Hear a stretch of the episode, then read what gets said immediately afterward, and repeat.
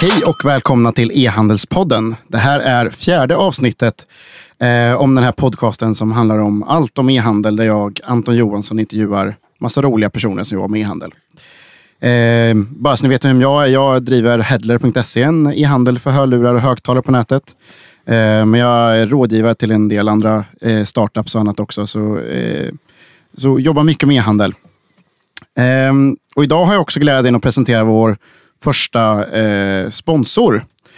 Ehm, det är de fantastiska Contentor eh, som, som har valt att, att hoppa på och sponsra oss här. Och det, är, eh, det de gör helt enkelt att de är en text och översättningsbyrå. Så om ni vill ha produkttexter eller bloggtexter eller vad ni vill ha till er sajt så kan ni, ni lägga ut det på dem. Så har de väldigt billigt sätt att skriva texter på. Eh, och, och bara för som eh, förstår storyn där, det var alltså Dan Nilsson som som startade roligaprylar.se och Karsten, eh, Karsten Deppert på, som startade Contentor en gång i tiden och som också fortsätter driva det. Och eh, då, back in the days, var det Karsten som skrev halvdåliga texter för Dan och hans sajter. Eh, men nu har de blivit betydligt större och har eh, anställt extern vd och växt ganska mycket. De gör bland annat texter till 30.se, Babyshop och Taylorstorm med många fler. Så in på contentor.se om ni är intresserade av det. det är vi är glada att ha dem ombord som sponsor. Eh, som vanligt vill jag även tacka Appear som hjälper mig producera den här podcasten. Eh, ni ska såklart höra över till dem också om ni vill göra radioreklam eller, eller helt enkelt vill spela in en podcast eller någonting som jag gör just nu. Men nu så är det dags att presentera mina gäster idag. Eh, det här är två mycket eh, trevliga gäster som jag har känt ett tag, eh, som, eh, som eh, numera driver ett företag som heter Kitchen Time. Eh, fast som hette Lycka till alldeles nyligen. Så välkomna Joel och Anton. Tack så mycket. Tack så mycket. Ni kan väl bara börja kort med att ge hisspitchen till er själva. Vad, vad, vad har ni gjort och eh, varför sitter ni här idag? Eh, jag och Anton vi har jobbat tillsammans i, i ganska bra många år nu. Vi började faktiskt jobba tillsammans eh, redan i högstadiet. Eh, så då började vi bygga hemsidor tillsammans eh, som vi sökmotoroptimerade och liksom började bygga trafik från, från Google till och sålde annons, eh, annonsplatser på dem. Så det var liksom största startskottet. Liksom. Ja, och sen dess har vi hållit på med e-handel på olika, vi gled in på e-handel och hållit på med det i olika former, både som konsulter och e-handlare själva. Sen sen dess, vilket är, ja, det är sju, åtta år sedan nu. Så, men numera driver vi en eh, startup som heter kitchentime.se. Eh, tidigare hette den Lycka. Eh, där vi säljer allt som har med köket att göra på nätet, kort och gott. Mm. Spännande. Nej, men det är roligt där. Ni, eh, både ni och jag har varit så här ganska unga i den här branschen ganska länge. Och det vi vill fortfarande förhoppningsvis, eller vi försöker spela på det i alla fall, att vi fortfarande unga. Det är unga, unga och dumma liksom. eh, så det är kul att ha följts åt. Det är liksom, ni två, jag och Erik, har ju alltid följts åt på något sätt, Exakt. även om vi inte suttit i samma säde och sådär. Men, eh, och, och, precis som vi började med affiliate-sajter och, och driva trafik och tjäna pengar på det, så började ni också med det. Vad, vad hette er största affiliate-sajt en gång i tiden då? Oj, det var en bra fråga. Eh, jag driver faktiskt fortfarande, eller driver och driver, men det finns, den finns kvar. eh, göra hemsida.se, det är fortfarande in lite, några hundralappar i månaden sådär. Det ligger och tickar där. Eh, ja, det var nog mm. den största. Mm. Jag drev en, en, en sajt med många eh, olika lekar. Så här, som det var alla möjliga konstiga sajter som, som, som vi drev. Men det var ju allt från vi drog ganska stora nätverk eh, som, när man var 15-16 som började liksom skala upp det där redan då. Anställde 15-16-åriga kompisar som satt och skrev texter. Så kvaliteten på de där blev väl sisådär. Så det var ganska stora nätverk men de flesta blev ju tyvärr också lite, lite brända av Google. Så det var också då vi började glida in mer, mer åt e-handel när vi kände att ja, okay, det, det var ju spännande det här med internet men det kanske vore roligare att göra någonting där man känner viss stolthet över det man gjorde och eh, som byggde lite mer på kvalitet helt enkelt. Mm. Så, så det element med, med, liksom, med fysiska produkter också. Det, det, det, blir liksom, det känns på något sätt mer på riktigt då, liksom, och, ja. och känslan vi hade då. Exakt. Nej, men det var ju, vi, vi sålde ju billigare hotell, den här hotell affiliate-sajten som var en av våra största affiliate-sajter till dagen och sen så, så startade vi Headler. Mm. Och ni var väl, det var väl lite samma grej, liksom, ni hade hållit på med affiliate och ville faktiskt testa på, mm. inte bara driva trafik till andra kändes det som, eller vad? Nej men precis, precis. det var väl bakgrunden. att det, man fick liksom inte hel, eh, ta ett grepp om hela kretsloppet utan det var det vi kände att vi ville prova på. Liksom sköta hela businessen själva och driva e-handeln eh, själva helt enkelt. Så då gled vi in på, jag satt och jobbade sent en kväll, det, finns, det här mejlet finns kvar, ganska roligt. Så hade vi pratat lite om e-handel, men så kom jag på att ja, men Muminmuggar, det är den perfekta produkten. Så jag skickade ett mejl till Joel om att, eh, att, att vi ska börja säga Muminmuggar. Muminmuggar.se leder, jag registrerade den. Och sen tre månader efter det lanserade vi. Så, så, så mycket eftertanke låg det bakom, bakom det beslutet. och eh, vad, du kan väl förklara varför tyckte du att det var perfekta produkten att sälja på nätet? Ja, det, det, det, det står nog det var inte min första tanke kanske. nej, precis. Nej, men det, det var, de var ju populära tyckte jag, så var det många som samlade på dem. Så man, det fanns väl redan där någon slags tanke kring att man skulle kunna bygga en kundlojalitet för att många ville ville ha den produkten och så. Eh, men sen eh, så tyckte jag även att det verkade vara ett riktigt bra, de kostar ju rätt mycket, 200 kronor för en mugg, så jag tänkte det måste vara ett bra snittordervärde på dem där också. kan man ju skratta lite åt i efterhand kanske. Mm, man tyckte 200 kronor var bra snittordervärde. Ja, precis. Men, eh, och det där drev ni ett tag och hur gick det liksom? Eller? Ja, nej, men vi drog igång det tidigt i, vi gick fortfarande i ja, mitten av gymnasiet. Vi gick i tvåan tror jag. Ja det var 16-17 år någonting. Så vi drog igång det. det. Det var ju liksom lite stolpig resa i början. Vi var ju tvungna för det första att lära oss hur, hur man byggde en e-handelsplattform överhuvudtaget och hantera logistiken och så för det. Men, men det gick, gick på, rullade på ganska bra. Så vi, fortfarande när vi gick i gymnasiet så snurrade vi ändå ett, ett par hundratusen på, på den verksamheten. Samtidigt som vi lärde oss egentligen alla, alla beståndsdelar i, i e-handelskedjan. Ja, men jag, tror det, jag tror det är väldigt bra. Det är, det är, det är precis som, som ni gjort på Hed, eh, liksom Hedler och andra liksom, projekt innan. Jag tror det är många som gör så att man, man vill prova på i handel. Liksom. Och så testar man i mindre skala liksom, och hittar en, en enklare produkt liksom, eller en lite enklare nischad produktserie. Liksom. Och även en sån liten e-handelsverksamhet innehåller ju alla delar som finns i större också. Man måste ha en fungerande bra kundtjänst och logistiken behöver fungera. Och, lösa teknik och betalmetoder och så vidare. Så det var liksom, för oss var det en otroligt bra resa. Eh, liksom väldigt lärorik på det viset. Men vad, vad var största lärdomarna då av Muminbuggar? För ni sålde ju det sen efter ett par år. Ja, nej, vi, vi sålde det, för det var mest för att fokusera på, på andra verksamheter, mm. så inte för att det, det, var något fel på den verksamheten. Men, men höjden i den var väl lite, lite begränsad ändå, får man lov att säga. Men, men ja, det, egentligen inte något så här E-handel handlar ju mycket om detaljer och det är kanske inte några key takeaways därifrån utan det är mer om eh, att lära sig, dels förstå eh, landskapet i, en sån verksamhet eh, men också att liksom lära sig mycket om de här detaljerna. Det, I och med att det var en, det, Munmuggaren, det, för de som inte känner till det, det byggde mycket på en porslinsserie från finska Arabia som Eh, ja, där utkom nya modeller och eh, det fanns ett bassortiment och så vidare som, som många samlade på. Man, skulle ha alla de här motiven i den serien.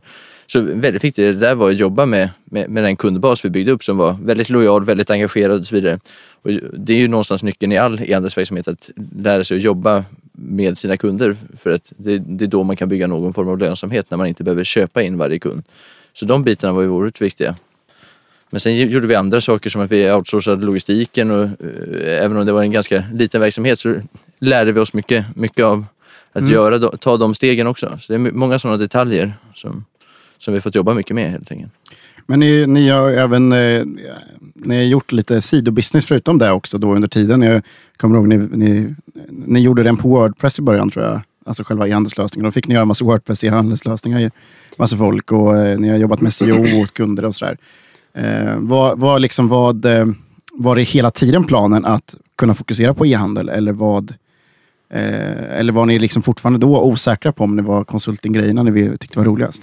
Vi har väl hela tiden gjort det som vi tycker är kul att göra. Eh, och eh, efter att vi startade upp mumugga.se, det var ju på Wordpress, när Wordpress var liksom, hade en riktig, en riktig boom och samtidigt som e-handel också började liksom, bli riktigt inne. Så det gjorde ju att, att det blev liksom, för oss blev det som ett skyltfönster. Det var många andra som, som eh, ville starta e-handel på Wordpress och, och, och, då var vi liksom, eh, liksom en ganska, eh, ja, vi, vi, var liksom en, en e-handel på Wordpress och, och det blev ju att vi fick mycket förfrågningar av andra som ville starta upp eh, butiker eh, och det blev liksom vår inkörsport till konsultverksamheten. Och då kunde vi vara inblandade, alltså vissa köpte bara en betalningslösning till, till Wordpress för att kunna ta betalt med kort.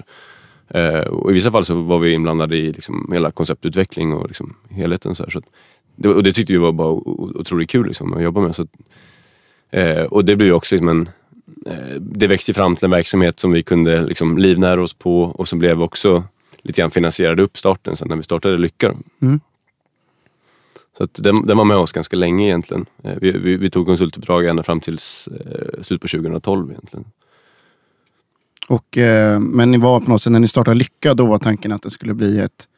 Då var det målet. Då skulle ni kunna leva på Lycka sen istället för att konsulta på något sätt. Ja, nej, men eh, Lycka, eller Kitchen Time som det heter numera, eh, har ju, var ju redan från starten det stora, stora målet om man säger så. Samtidigt så trodde vi väl då att man kanske skulle kunna driva upp den här konsultverksamheten vid sidan om parallellt och att eh, vid, vid någon punkt eh, knoppa av den eller anställa någon som kunde driva den och så vidare. Men, men, men efter ett tag började vi väl inse mer och mer att eh, att det- kräver så enormt mycket fokus för att få någonting att eh, börja rulla på riktigt. Och vi då, 19-20 år gamla ungefär, eh, hade väl inte den erfarenhet som krävs. För det krävs ju enormt mycket om man ska få igång flera verksamheter parallellt. Eh, utan eh, ja, då, då fram, växte det fram ganska snabbt att eh, det var e-handelsverksamheten vi, vi tyckte var roligast att hålla på med. Att sköta alla detaljer själv och att ja, jobba med sin egen verksamhet snarare än att hjälpa andra att bygga upp sina verksamheter.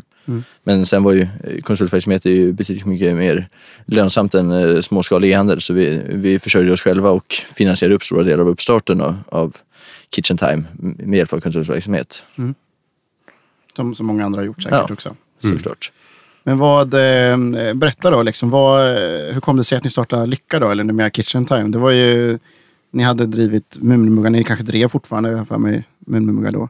Ja, vi drev dem parallellt ett tag. Eh, och liksom vad, vad var så här, varför startade ni Lycka? Vad, vad var liksom utgångspunkten? Ja, alltså för oss, alltså, när vi, det var precis efter vi hade tagit studenten eh, och, och för oss kändes det liksom ändå, efter vi hade drivit mugga.se några år så kändes det som helt självklart att vi vill jobba med e-handel. Eh, och eh, ville starta något projekt som hade liksom lite större höjd, det fanns en större bredd. Liksom, en, eh, alltså Mumugga var ju, liksom, det, ganska, det blev ganska begränsat. Liksom. Eh, så att eh, ja, vi kikade på jättemånga olika eh, produktområden så, som, vi ville, som vi ville gå in på. Eh, dock så vi hade sett ganska mycket när vi hade jobbat med Mumuggar så hade vi sett liksom en potential liksom i, i, liksom i, i redskapen, i köksredskapen och även en del servering och så här såg vi som möjlighet. Så det var, det var ett av de områden vi kollade på. Eh, och eh, i grund och botten så var anledningen till att valet föll på just köksredskap var att vi såg en stor potential. Det fanns väldigt mycket att göra där. Eh, och eh, det har också visat sig stämt Gjorde bra. ni en grundlig analys då, eller var det lite eh, mer tur än skicklighet om ni valde? Jag vet inte, det, vi hade väl kunnat välja någon annan bransch och det hade kunnat funka också. Men, men det som det föll på i slutändan, eh, eh, vi kollade på så många olika saker. Vi kollade, kollade ganska noga på till exempel tyger och så vidare.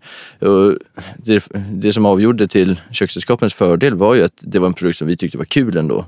Eh, I kombination med att vi, vi såg en marknad där. Men medan vi kanske inte hade så stort intresse för eh, textilier och så vidare. Det, men, men om man backar lite så, så varför vi valde e-handel och så vidare så föl, följde det sig väldigt naturligt. Vi, vi drev ju den här Murmux-verksamheten redan i gymnasiet och i slutet av gymnasiet så lyckades vi förhandla till oss ett ganska bra upplägg med vår skola, vår studierektor där vi, där vi egentligen hade fri närvaro he- hela trean i gymnasiet och eh, fick läsa skolan på kvällstid och sköta företaget på dagtid.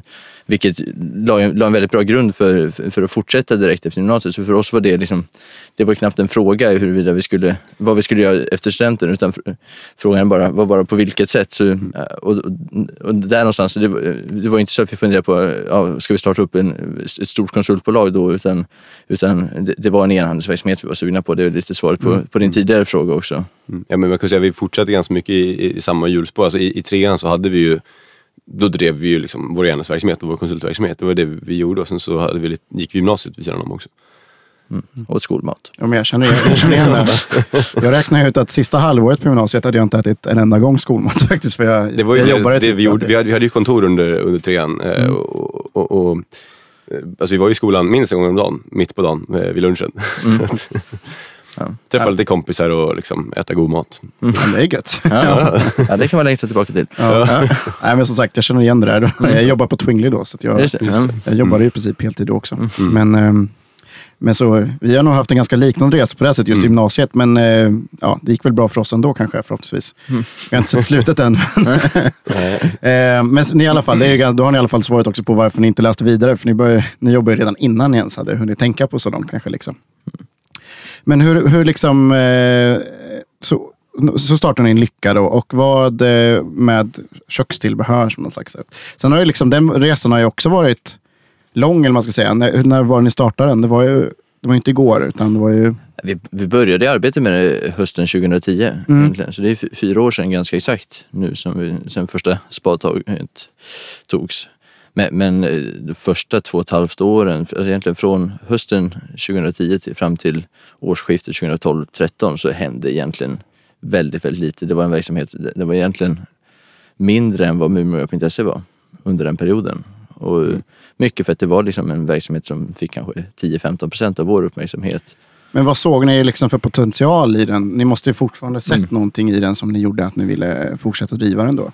Ja, nej, men vi, vi, vi började väl känna lite där när, två, två och ett halvt år efter studenten så började vi känna att eh, eh ja, eh, ska, det, ska vi hålla på med det här, eh, fortsätta med det här, driva eget och så vidare, då måste det bli väldigt, väldigt mycket större för att det ska vara värt det. För vi såg ju vår alternativkostnad i att läsa, läsa på Handelsen och sånt där eh, och så vidare. Och, för att motivera att man ska göra, skulle göra något annat, då, då måste det ändå vara lite höjd i det, kände vi. Mm. Eh, så, så då, då, så, då var det liksom alternativet var väl att gräva där man står. Men vi, vi stod på fyra olika ställen så vi insåg att vi, vi måste liksom skala av det här. Så hösten 2012 ägnade vi oss egentligen enbart åt att skala bort alla andra verksamheter och börja förbereda oss för att gasa ordentligt med, med Lycka.se. Vi fattade då beslutet att vi skulle ta in, ta in kapital och så vidare för, för att kunna göra den här resan möjlig och börja kika på vad vi ska göra. Så vi då avslutade vi egentligen alla konsultuppdrag, eh, sålde Mumioja.se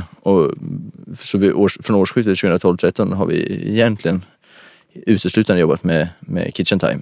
Mm. Eh, och potentialen där, det, vi, vi insåg att det är en stor marknad. Det säljs ju oerhört mycket köksredskap i, i Sverige. Så det, det, är inte, det, var inte, det var inte så att vi tvivlade på att det fanns någon efterfrågan på de här produkterna utan eh, det man snarare kanske hade eh, var, var lite fundersam kring var om vi skulle kunna eh, exekvera tillräckligt bra för att, för att bygga, bygga, få ett bolag att växa snabbt inom, inom branschen och eh, göra på ett tillräckligt effektivt och lönsamt sätt helt enkelt. Mm.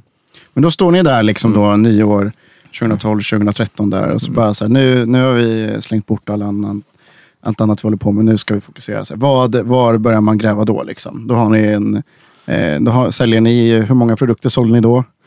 Vi hade, när, när vi började 2013 så sålde vi 300 produkter i sortimentet och vi hade liksom haft vi låg liksom en månadsomsättning 100 000 ungefär, den, den storleksordningen. Eh, nej, ursäkta, hela år, årsomsättningen 100 000. Så det var, det var liksom en väldigt begränsad verksamhet.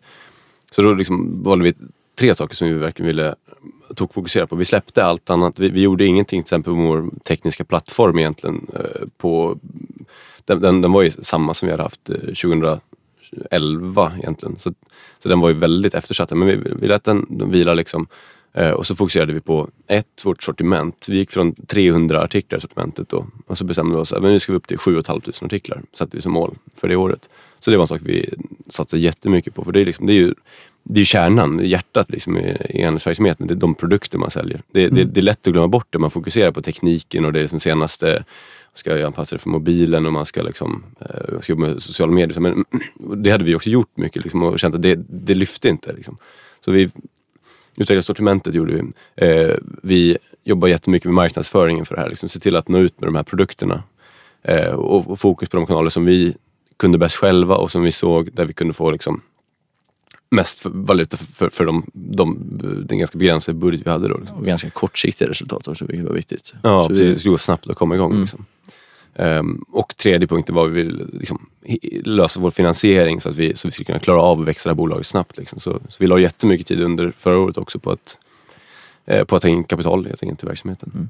Men så, rent beslutsmässigt var det mer att vi, vi, vi, vi, vi, vi säkerställde att vi har pengar för ungefär tre till fyra månader.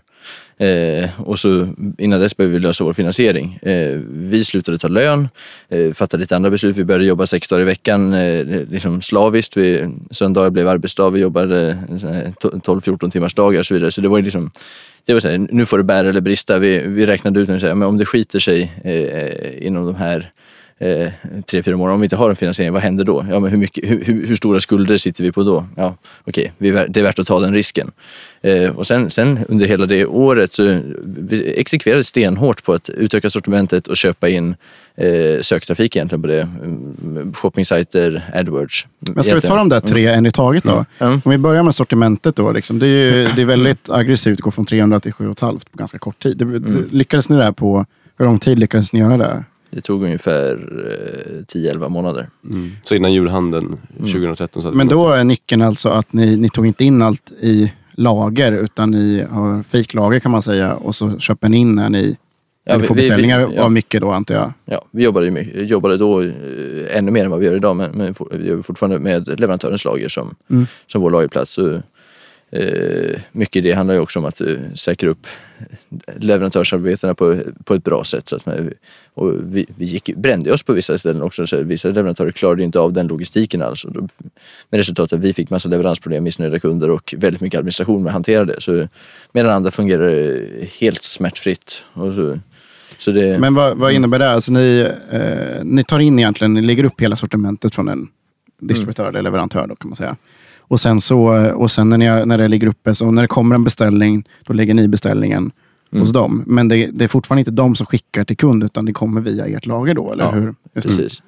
Sen har vi såklart några, några leverantörer som dropshippar men det, det står för mindre än en procent av våra försändelser mm, mm. fortfarande idag. Så det... det är framförallt om det är någonting väldigt stort till exempel. Alltså, vi säljer ner stora stekhällar liksom, som, mm. som, som, det blir frakten väldigt, väldigt kostsam liksom, om den ska först gå till vårt lager och sen så ut till kunden. Så, Just det. Men jag tänker att också det är kostsamt att skicka direkt från en i taget, så att säga, från, från leverantörerna. Att de tar ju också en frakt där, liksom, i, som det förlorar lite marginal på antar jag. Och så, där. så ni försöker väl bunkra ihop då och beställa ja, några varje gång? Eller hur funkar det? Liksom? Absolut, så är det ju. Vi, vi har väl kanske två till tre beställningar eh, per vecka från, från en leverantör. Då. Just det. Och, och då är nyckeln att det, när vi går in i ett leverantörssamarbete, då måste det bli ganska stort. Vi måste handla för, för ganska mycket pengar, ett par hundratusen i alla fall per år för att, för att den logistiken ska snurra. Så mm. det, det, är också det är en, del i delmodellen, att det måste vara ganska, det, det, det, kräver att vi driver ganska mycket volym för att, för att det ska funka. För annars funkar det aldrig att ha de kugghjulen snurrande. Men det innebär ju att ni är ju, eh, ni tar hellre stora distributörer med många märken och så vidare gentemot en mindre. Liksom, ja. Ja, är det en mindre distributör som har ett väldigt efterfrågat varumärke med kanske en handfull artiklar, då lagerför vi alltid dem. För det finns ingen, ingen möjlighet att få den logistiken att snurra annars. Mm.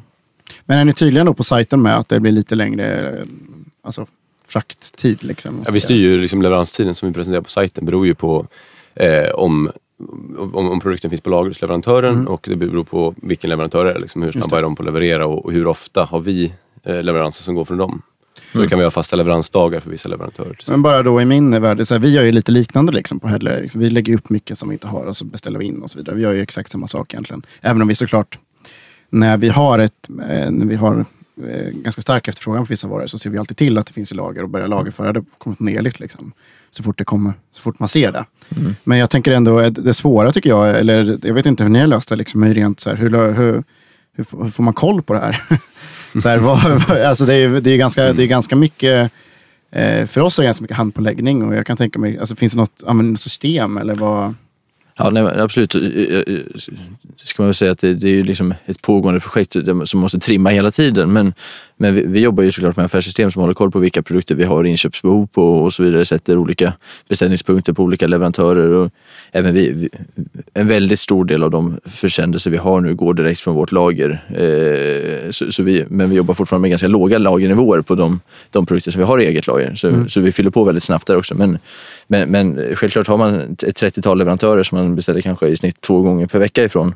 Det, det blir väldigt många inköpsorder som ska hanteras så då kan man inte sitta och tänka ut, räkna ut vad man ska köpa varje gång utan det måste man ha system som hanterar åt en. Det... Man kan ju säga att det är, det är här liksom teknik verkligen kommer in i e-handel, liksom, mm. att lösa alla processer bakom. Mm. Liksom. Men det är inga så direktkopplingar mot leverantörernas eh, inköpssystem och sådär? Eller har ni... Det har vi också. Eh, vi har, ja, I vissa fall så skickar vårt system, eh, eller har vi möjlighet att skicka in order direkt i deras system. Men, men det, det jobbar vi väldigt lite med. Men däremot håller vi ofta koll på vad leverantören har på lager. Så vi automatiskt plockar bort och skapar upp artiklar som, som leverantören har, får in på lager eller som utgår i deras sortiment. Så att vi eh, minimerar riskerna för att sälja en artikel som blir restnoterad hos leverantören. Just det.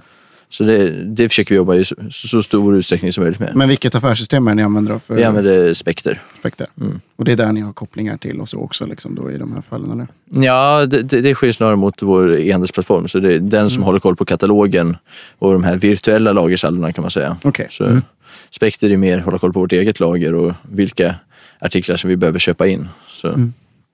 Men det var ju så. Då, det, var liksom, det, var ju, det var så ni fick råd egentligen och möjlighet att göra det. Det var att ni la upp väldigt stora ehm, sortiment egentligen från distributörerna. La upp hela deras sortiment Ja. så att ni bara men lagfärdade en liten av- del. Liksom. Precis, lite har det varit liksom en, en del av vår finansiering. Liksom. Att, eh, det är ju alltid, kan man lagerföra en vara så är det ju bättre. Liksom. Det blir en bättre leverans mot kund. Ser- Alltså, Mm. mm. Servicenivån mot kund blir ju högre. Det går snabbare att få sin vara. Liksom, och det, det är en större säkerhet att den faktiskt finns också. Så att, kan man göra det så är det bättre. Men, men, men, har man inte råd att liksom, binda alla de, det, det kapitalet liksom, till, till lager så, så, så är det mycket bättre väg liksom, framåt. Eller, det, för oss har det varit en bra väg framåt. ja. Och framförallt har vi, hade vi inte en aning då om vilka la- artiklar vi skulle ha lagerlagt och vilka vi inte skulle. För det, ofta, är- alltså det som driver e-handeln mycket är ju att det, man kan ha ett utbud som, som den fysiska handeln har väldigt, väldigt svårt att konkur- konkurrera med.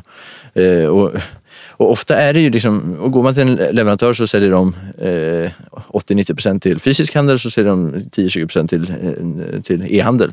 Och så berättar de vad deras storsäljare är och då, då berättar de vad, vad den fysiska handeln säljer bra. Och då, där, där är fysiska handeln väldigt väl representerad. Så ofta är det, kommer vi tillbaka tre månader senare när vi har startat upp en ny leverantör och säger ja men ni säljer ju precis tvärtom mot alla andra gör. Så, så, så skulle vi bara lyssna på vad våra leverantörer tyckte vi skulle köpt in, då skulle vi suttit jäkligt snett på, på vårt lager. Så, så där måste man ju lära sig vad det, vilka artiklar som ens kunder, kunder efterfrågar och eh, ja, vad som fungerar helt enkelt. Har ni haft problem annars med att ni inte fått sälja också mycket märken och sånt? Liksom, eh, för att ni inte har fysisk butik? Eller? Ja, men det tror jag gäller alla. Liksom. Det, det, är liksom, det är ständiga tugget när man är ute på e-handelskonferenser. Liksom alla, det, det blir lite liksom, det, det är tufft liksom, och- med leverantörskontakter. Liksom, och, och leverantörs, eller vad säger, varumärkesägare är ju liksom, man är väldigt mån om sitt varumärke. Om man har byggt upp ett varumärke liksom, under många år och investerat mycket i det. Då vill man inte ja, man, man är rädd för att det ska vattnas ur, att det ska upp som prispress kring det och liksom att, det, det, inte- att, det inte ska, att man ska kunna behålla den exklusiva känslan kring varumärket. Så, eh, och det har vi kämpat jättemycket med som, när vi kommer och är liksom en mindre e-handlare. Så det finns en väldigt stark skepticism liksom, mot, mot e-handel också. Man har många liksom, leverantörer. Men har ni några så konkreta tips där liksom, på hur man kan lösa det smidigt? Egentligen för vår del har det blivit enklare för var dag som går. Nu, eh, för, eh, I och med att vi bevisar mer och mer att vi Dels att vi säljer mycket liksom. så, och det, det, att vi har mer på fötterna när vi kommer till leverantören. Men också för varje nytt varumärke vi lägger upp så, så ser ju säger de att ja, men om våra konkurrenter säljer dit, varför skulle inte vi kunna göra dem? Då, då litar de på deras omdöme lite grann. Och de vet ju precis vem som distribuerar vilket varumärke i, i, i, i Sverige och så vidare. Och de känner ju varandra för det är en liten bransch. Så, så det, det, det blir ju enklare och enklare desto bättre sortiment vi har. Ja, men ska man sammanfatta lösningen så är lösningen att bli stor. Liksom. Men det, det, är så här, det, ja, det är vägen dit som är, som är det svåra. Liksom. Så man får jobba sig fram, liksom, ha kontakt med många leverantörer och liksom, baka av dem en efter en. Liksom.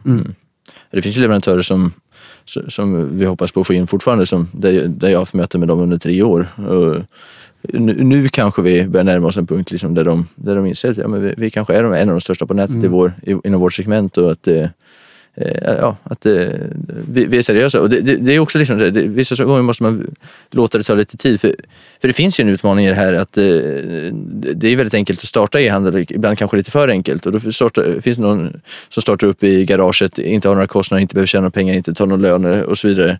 Och som bara som tar in några produkter och börjar sälja på pris. Och sen, sen lägger de ner, men då har de påverkat prisbilden. Och, och det vet ju, och det, det är det som de här eh, varumärkena är rädda för egentligen. Eh, så, så ofta kan en del av lösningen vara att det går lite tid, att man visar att hej, jag är här på den här mässan i år och jag är här på den här mässan i höst och sen kommer jag nu tillbaka nästa vår igen och så kommer jag tillbaka på hösten och då ser de så här, men det- det finns en kontinuitet här. De, de, driver ett, de, de driver som ett företag, det är inte bara någon, någon, någon hobbyverksamhet utan de, de håller på över tid och eh, bör, bör bli några anställda och så vidare. Då, då har man skapat den trygghet som krävs.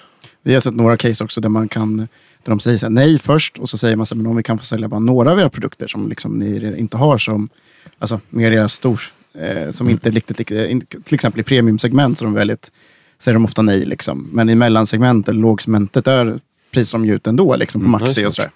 Och då kanske man får börja med det och som man vi- bevisat sig där, då är det lättare att diskutera de andra produkterna senare kanske. Så finns det lite andra så här, alltså, kan man på något vis sätta upp en butik också?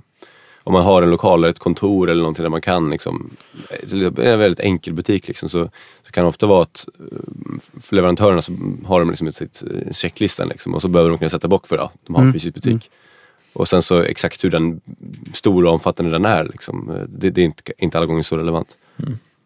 En sak vi gjorde som funkat, eh, funkat bra också, det är vi åkte ner på, på mässor i, i Europa och träffade mycket varumärkesägare där. Sen har de svenska distributörer, men om kontakten kommer från varumärkesägaren som säger vi träffar de här på en mässa i Tyskland, då visar man också lite att man är seriös på ett annat sätt än att det drivs på, ett, på en hobbynivå. Och då har också, det har också förenklat väldigt mycket, för då har, då har initiativet kommit lite från ett annat håll och man har kommit in på ett annat konto. Det har funkat bra för oss. Det Vi håller på att testa lite den nu. Ja, precis. Ja, vi var ju på IFA-mässan bara för två veckor sedan nu och, och eh, där liksom alla hörlurs tillverkare och så, här. så Så vi håller på att testa det om det här funkar. Liksom. Det är för tidigt att säga om det funkar, men upplevelsen var att när varumärkesägaren, då, liksom chefen då, på de här mässan, då, liksom direkt, och det, det var många distributörer var där. Liksom. Ehm, så bara, okej, ja, men jag hämtar honom. Så här. Fick vi prata med distributören via liksom, chefen där. Liksom. Då blir det ju, distributören blir ju direkt så här, han, om varumärket har sagt att man ska prata med den här personen, då måste man ju prata med den också. Så eh, jag, jag tror att det är en bra idé och förhoppningsvis kan man hitta andra distributörer där också och andra märken än vad man kanske gör i bara Sverige. Om man vill börja sidimportera eller till exempel börja importera märken som kanske inte är så populära i Sverige.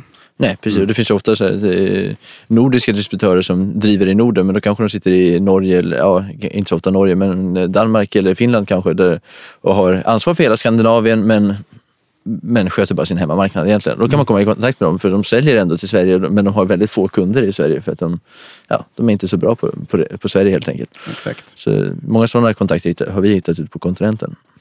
Men det här är ju intressant. Alltså, ni, det, det var de här tre grejerna för att få fart på det kan man säga. Liksom. Men då, om vi tar andra grejen då, eh, marknadsföring. Eh, ni sa att ni började med det ni kunde. Det var det då SEO och SEM då helt enkelt ni började med kan man säga? Eller var, var det något annat som ni... Eh, nej, men det var där vi började och kanske allra mest SEM faktiskt. Eh, så att, eh, att, att börja liksom...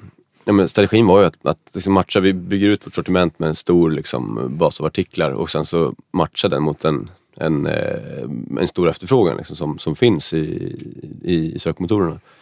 Eh, Så vi la jättemycket tid själva och vi tog även in en, en byrå och jobbade tillsammans med för att skala upp det liksom ytterligare. Och satte då ett, liksom, ett provisionsupplägg också till dem för att Just, just också för att vi inte hade, hade liksom, eh, möjlighet att anställa någon eller så. Utan eh, ba- bara hitta sätt att, att kunna liksom skala utan att dra på sig en fast kostnadsmassa. Liksom. Så, så vi matchade en bred katalog egentligen med en bred sökkampanj. Och så, så jobbade dels med det och sen alla typer av shoppingsajter, Kelko, Pricearna, Prisjakt och så vidare. Som, som ju inte alls bara är prisjämförelser utan även mycket, som, som, de har mycket trafik, nischad söktrafik som de sen säljer vidare per klick. Så det gjorde att vi fick, eh, vi fick väldigt bra utväxling på, på varje artikel vi la till egentligen. Så, så det, eh, ja, det, det, det drev vår, vår tillväxt. Där har ni sagt förut till mig att Price Runner till exempel var viktigare än prisjakt för er. Mycket viktigare. Och, och Kelko också kanske, jag vet inte. Ja, alltså, Och, det är, och det är så intressant, för så i, i min bransch, liksom, hem elektronik, är precis tvärtom. Så, här.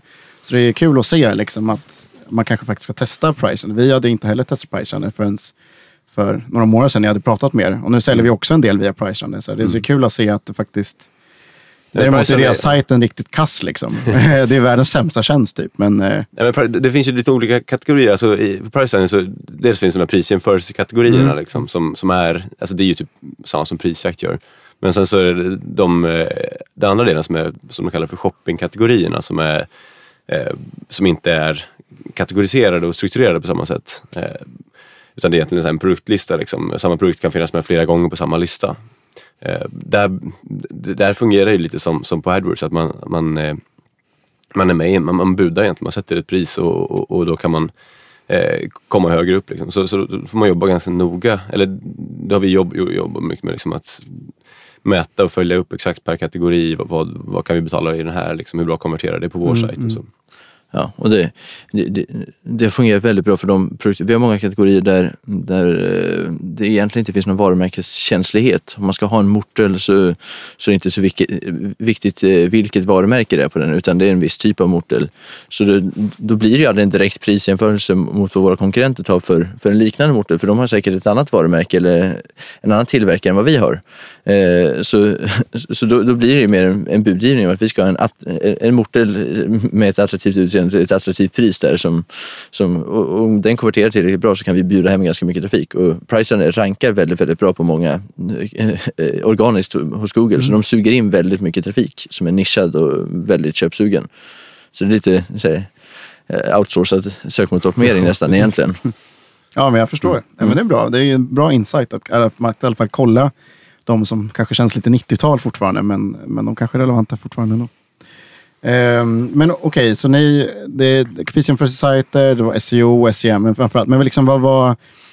Eh, ni la ändå liksom en budget då som ni skulle liksom, okej okay, nu ska vi verkligen försöka med SEM. Eller vad, hur, hur kom ni igång med det på lite mer, och fick det att växa liksom? Var det, eller satt ni så här varje dag och bara, shit nu har vi direkt avkastat det här, de här pengarna? Ja, nej, men alltså, vi... vi satte väl snarare en så här, en nivå hur mycket kan vi betala liksom per, per alltså, om vi ska sälja för 100 kronor då, då, då kan vi liksom, eh, i den här kategorin kan vi sätta så här mycket liksom, eh, i, i marknadsspänn. Så det var väl snarare det som styrde. Vi, vi, vi bestämde hur många procent av, av omsättning kan vi sätta i, i marknadsspänn. Liksom. Så, och sen såklart, det fanns ju såklart, vi, vi kan inte bränna slut på våra pengar så, såklart. Men, men, men det var snarare det som, det som styrde liksom, och, och de, de de kategorier där det funkade att, att göra det, eh, då ökade vi klart på. Liksom. Men, men, i vissa kategorier så fungerade det inte. Eh, så att, vi började, strategin var också mycket att, att börja på väldigt nischade ord. Liksom. Gå väldigt brett över hela sortimentet men börja väldigt nischat. Liksom. Att vi kanske går på varumärkesnamn och, eller liksom väldigt specifik typ av eh, produkt. Så. Och sen så jobba, jobba sig uppåt. Liksom. För på så vis kan man ju då eh, ja, men, jobba från den mest effektivt spenderade kronan liksom, mm. och uppåt. Men en viktig sak att nämna i det här sammanhanget är ju att eh, när, när vi satt och gjorde kalkylen så, så det fanns ju inget sätt där det gick ihop och var lönsamt samtidigt. Eh, att eh, börja skala upp där och börja köpa en massa marknadsföring och eh, få, fortfarande få ett eh, tekniskt bidrag som var tillräckligt stort för att täcka alla fasta kostnader och löner och annat. Det, det fanns ju ingenstans eh, utrymme för det. Och, och, samtidigt kände vi att, och insåg vi att det, det var så oerhört viktigt att vi la enormt mycket energi och tid på det för att det skulle börja snurra. Så där var det just det här att vi vågade riska. Att vi, nu, nu lever vi utan lön och äter blodpudding tre dagar i veckan och havregrynsgröt till middag ungefär och sen och verkligen, verkligen ger allt på det här. Eh, samtidigt som vi vet att ja, men, om ett par månader så är pengarna slut om vi inte lyckas göra någonting. Men, men och det, mm. så grejen var, ni, ni drog in kunder som ni visste att ni inte skulle gå plus på också. Det. Alltså det var en del i taktiken. Liksom bara för att bara ni ökar i omsättning så har ni kommit lite närmare målet. Och det där som var Ja, vi, Om man förenklar mm. liksom. Ja, vi, vi, vi, vi, har aldrig backat på, på liksom själva kundanskaffningen i stort. Eh, så, men, men, vi har ju nöjt oss med ett extremt litet täckningsbidrag. Mm. Eh, så, så täckningsbidraget har aldrig räckt till att täcka fasta kostnader egentligen. Det, som drift av, mm. ja, sen hade vi i början också på för dyr logistik och så vidare som gjorde att vi, ja, då hade vi kanske ett negativt täckningsbidrag. Men, men så fort vi fick ordning på det så, så sen dess har vi aldrig backat liksom på att ta in kunder men, men däremot har vi nöjt oss med en, en eh, teknisk bidragsnivå som är liksom på tok för låg för att man ska kunna försörja de fasta kostnaderna. Framförallt på de här nivåerna. Det. Men så för att sammanfatta, det var mm. verkligen SEM och Prising Site och SEO. Det var det som ni byggde upp det på då under den perioden. Det var ingen, mm. det var ingen annan sån här, oh, det jättebra. Utan... Nej, men det var väldigt mycket på fokus som Jon nämnde så, så vi, vi jobbade inte alls med tekniken till exempel. likadant valde vi bort andra såna viktiga marknadsföringskanaler som, som vi jobbar nu jättemycket med, men som nyhetsbrev. Vi, I och med att vi, ja, vi, vi insåg att vi behövde fokusera så pass mycket. Så att, eh, eh, och nyhetsbrev kommer inte ge så mycket när vi har en väldigt liten kundbas. Så vi, vi struntade i det säkert åtta månader. Och sånt. Ja, fram till juli egentligen så skickade vi inga nyhetsbrev mm. förra året. Nej. För att hålla jättestarkt fokus då? Liksom. Ja, precis. Så det är många sådana saker som, som kan framstå som rätt självklara att göra valde vi bort. Mm. Men väldigt medvetet också. Det var inte så att vi glömde bort att skicka nyhetsbrev utan mm. det, det, var ett beslut vi fattade. Vi skickar inga nyhetsbrev nu för det, det kommer inte ge tillräckligt mycket jämfört med det andra vi har att göra. Mm. Och sen så skulle ni ta in pengar också. Eh, Och hur gjorde ni det här? då? Det här är ju liksom många, eh, jag har aldrig varit med om den här processen, så ni kan väl bara förklara liksom, hur, var började ni och hur, hur liksom lyckades ni? Alltså det vi börjar med som, som var väldigt viktigt för oss hela vägen det är att alltså, börja i, i budgeten och börja liksom räkna på de siffrorna. Eh, bygga ett case utifrån en faktisk kalkyl, liksom, utifrån, utifrån verkligheten också. Så, se till att, alltså, vi hade ju byggt upp under de första åren när vi hade verksamheten på väldigt eh, låga nivåer så hade vi ändå byggt upp data kring, vi visste ungefär hur mycket kostar att köpa in kunder och hur mycket kostar logistiken och så vidare. Så vi, vi hade liksom vi hade kommit till en punkt där vi hade ett bra underlag för att kunna göra en liksom, väldigt genomarbetad budget. Eh, och när vi hade den budgeten i händerna, vi räknade på, liksom, eh, på vårt resultat. Eh, hur mycket kommer vi att liksom, på sista raden liksom, liksom, tappa varje månad?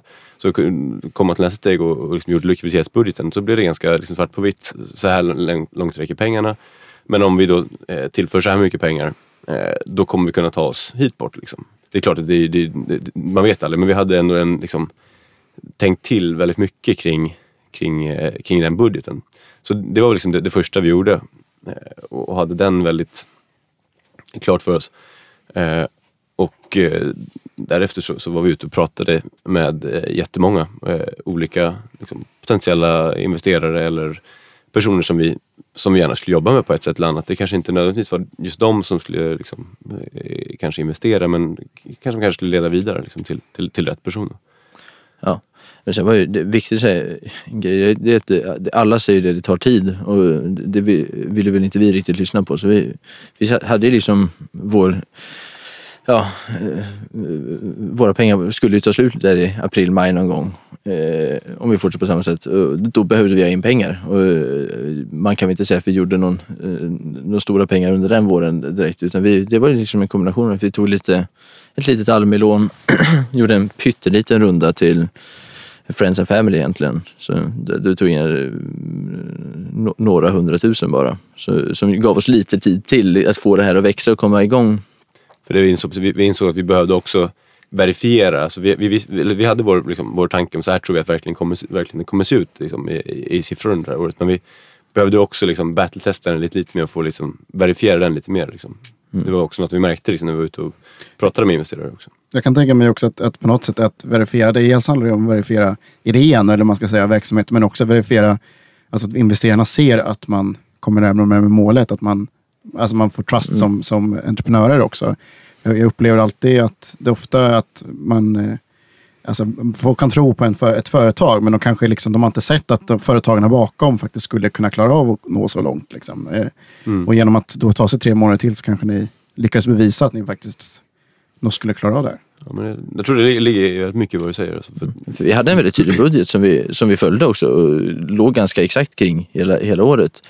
Eh, så vi, vi började visa att våra, våra kalkyler faktiskt stämde. Och de investerare vi hade träffat i, där i december, januari någon gång, eh, de började ju, när vi träffade dem i april igen och vi sa nu har vi gjort det här som vi sa att vi skulle göra och när vi sen träffade dem i, efter sommaren igen då, då, började, då, då blev det plötsligt verkligt det vi sa. Och att vi dels, dels bevisade att ja, men, kalkylen håller och dels bevisar det att vi klarar av att exekvera på det här. Det, för det, det var ju någonting med, vi, vi insåg väldigt eh, tidigt att driva upp en retailverksamhet som en e-handelsverksamhet faktiskt är, är ju sällan så mycket hokus pokus eller att man ska bygga, att man ska liksom förändra skapa något helt nytt, en helt ny produkt och så vidare. Utan det handlar ju väldigt mycket om execution, att man ska genomföra saker och ting.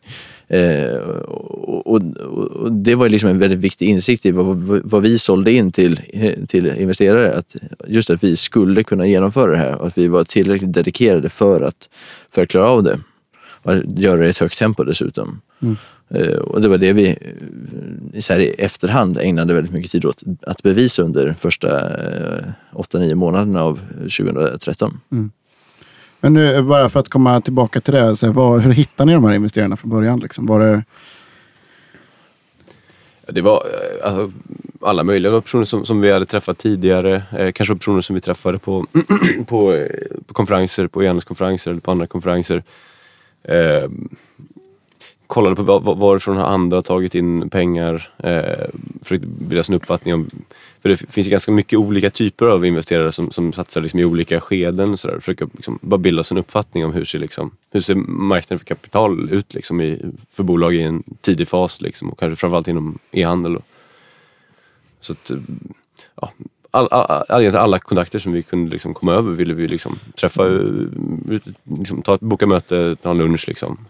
Mm. Man vill gärna säga att men, men, men gör man den grejen så löser det sig. Men, men för, för, oss handlar det väldigt mycket om att göra en volym av olika saker. Träffa en volym av människor. Så vi har träffat extremt mycket människor som, som var fullständigt ointresserade av att investera. Eh, liksom redan på presentationsstadiet. Liksom, att det, eh, ja, det var inte ens nära ett andra möte. Och det, det, var ofta människor som vi kanske inte var så intresserade av att ta in heller eh, i och för sig. Men vi, vi har gjort eh, mycket sådana här, varit med i ja, Connect, statlig eh, organisation som som jobbar just med att knyta ihop eh, kapital med ja, kunskap pratar de mycket om för det är mycket forskningsbolag och sånt. Men, men, men eh, som jobbar med den arenan. Så där har vi varit uppe och presenterat från investeringsforum. Det, det gav väl kanske någon kontakt som ledde till en annan kontakt liksom, någonstans. Men, men så var det någon som vi suttit på samma kontorshotell som, som sen hade i sin tur någon annan kontakt. Liksom. Man kan liksom aldrig vara för, för, för kräsen för att liksom, tycka att det, här, det här är inte liksom, rätt för mig eller så. Utan... Mm. Oh, nu blir det klippläge. ja, nej men, men det, det, det, är ju mycket så att det, det är oftast en, en kontakt som har lett vidare till en annan kontakt. Men, hur, eh, okay, men, men så vad slutade det med att ni tog in för typ av investerare? För ni pratar om att det finns olika typer. Och vad, eh, vad, vad tog ni in för personer och varför? Liksom?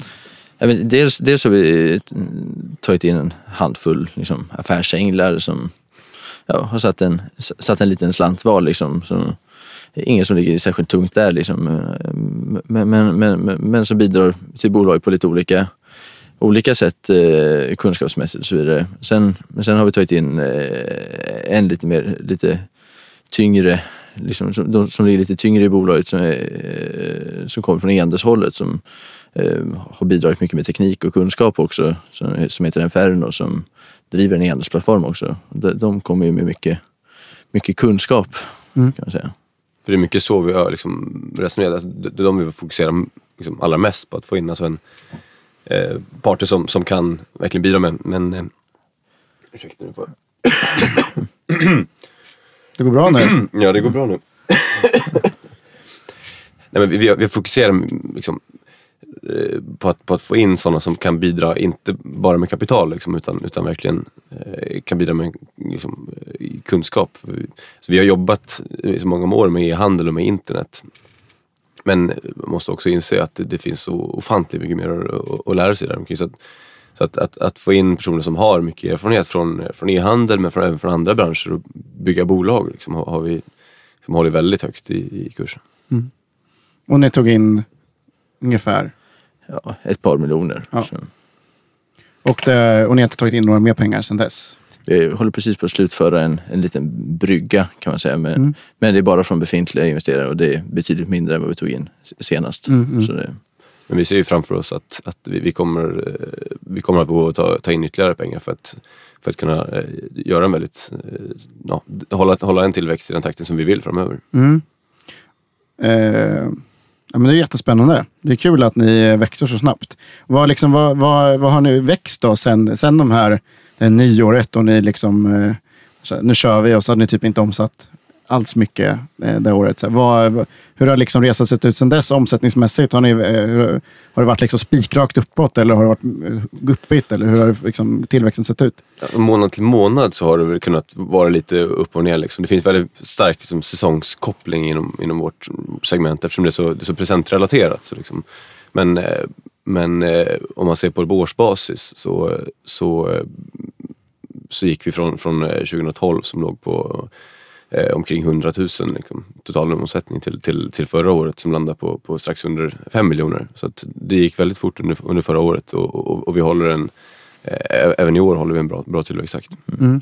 Men mycket av det hade ju att göra med att vi hade hunnit förbereda mycket till, till julhandeln som är vår stora högtid om man eh, säger så. Eh, under förra året så, så av de här fem så, eh, så kom ungefär hälften från sista kvartalet. Mm. Lite drygt till och med. Så det, Men hur mycket tror ni ni kommer ha som julhandel av årets omsättning? Då? Är det liksom 30 procent eller är det 50 procent i år också? Eller? Däromkring.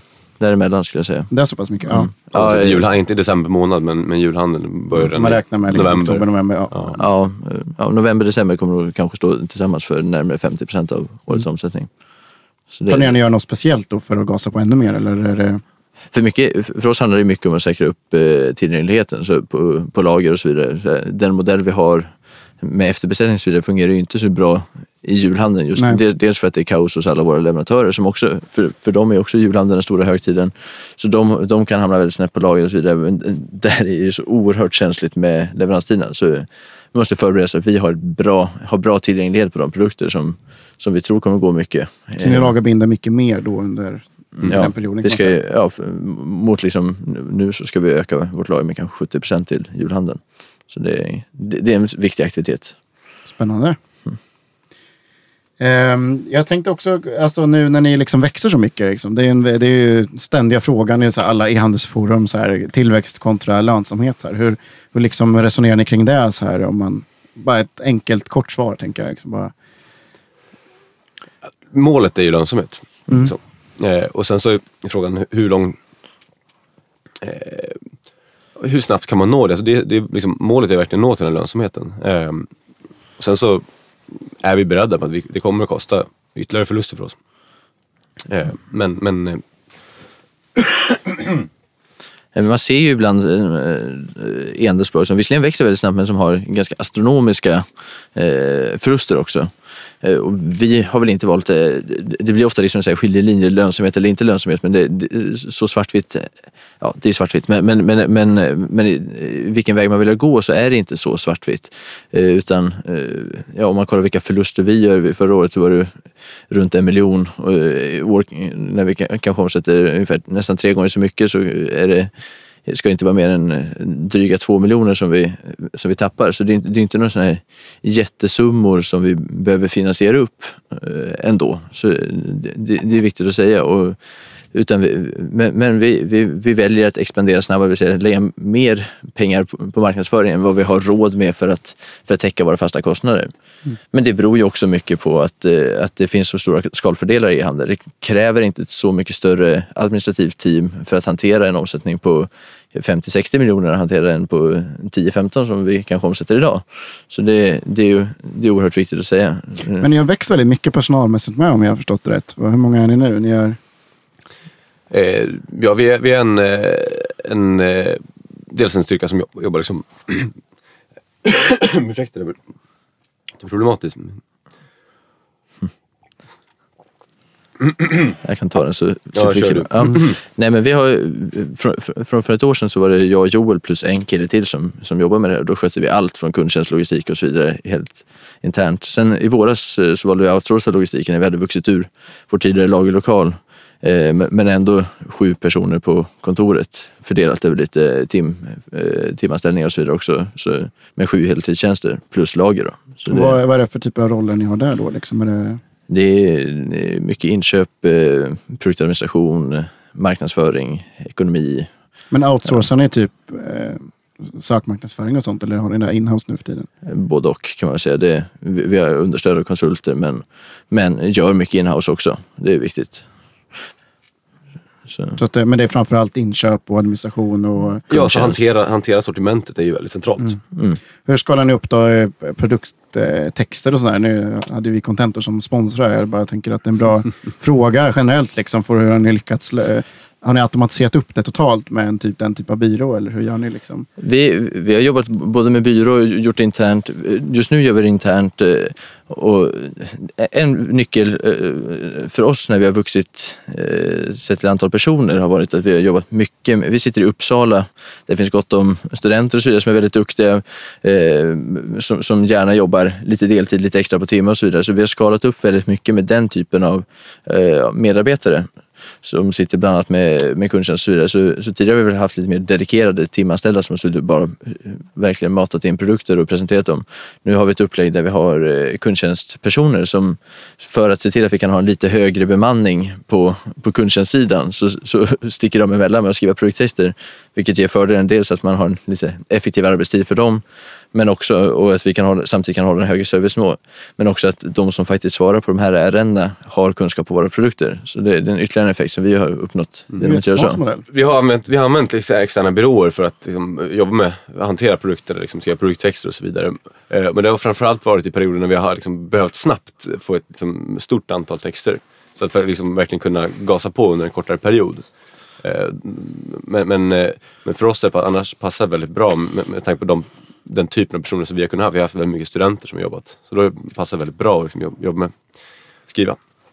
Ja, det låter jättesmart faktiskt. Eh, och man får ju dessutom mer kontroll internt också. Om man, om man sitter bredvid och kan styra vad de ska göra också. Kanske, liksom. Och för oss har det varit, kul också att, att, att snabbare bli fler personer också. Det, blir, det skapar en kultur liksom i bolaget. Det blir, det blir roligare liksom för alla som, eh, de som jobbar fast också. Att, att det, är, det är en större skara människor. Det blir, liksom ett, det blir ett socialt sammanhang också. Mm. Ja, exakt. Um, för ett tag sedan så, så när jag träffade er i våras så sa ni så här, eller så, så, så sa ni till mig då, men varför går ni inte utomlands redan nu? Ni behöver ju inte bli större innan ni går utomlands. Gå utomlands tidigare. Då, fick jag, så, då kände jag så här, det, det här är någonting som ni funderar på ganska mycket. Har ni gått utomlands eller vad är planen där liksom, eh, med, internationell utrullning? Nej, men vi, vi, vi kikar aktivt på det. Vi jobbar, jobbar med det. Vi har inte satt exakt datum för när, när det ska ske, men, men det ligger inte allt för långt borta. kan man säga. Vad är liksom då eh, tanken? Liksom? Varför går ni ut nu och inte tidigare eller senare? Eller vad? Ja, men det, som, det som är intressant, som, som vi pratade om senast, är att alltså, gränserna mellan de, mellan de nordiska länderna suddas ut mer och mer. Liksom. Det är ju liksom generellt liksom, att eh, det är verkligen så här, globaliseringen på en lokal eh, nivå på något sätt.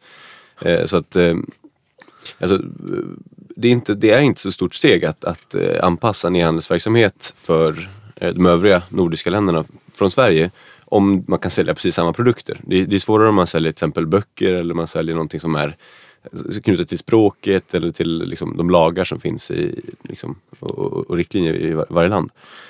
Eh, men, men att, att lösa liksom, eh, logistiken är faktiskt en, en, en mindre utmaning än vad man kanske först tänker. Eh, man kan nå liksom hela, hela Norden på samma leveranstid som inom Sverige. Så att, eh, Mer eller mindre.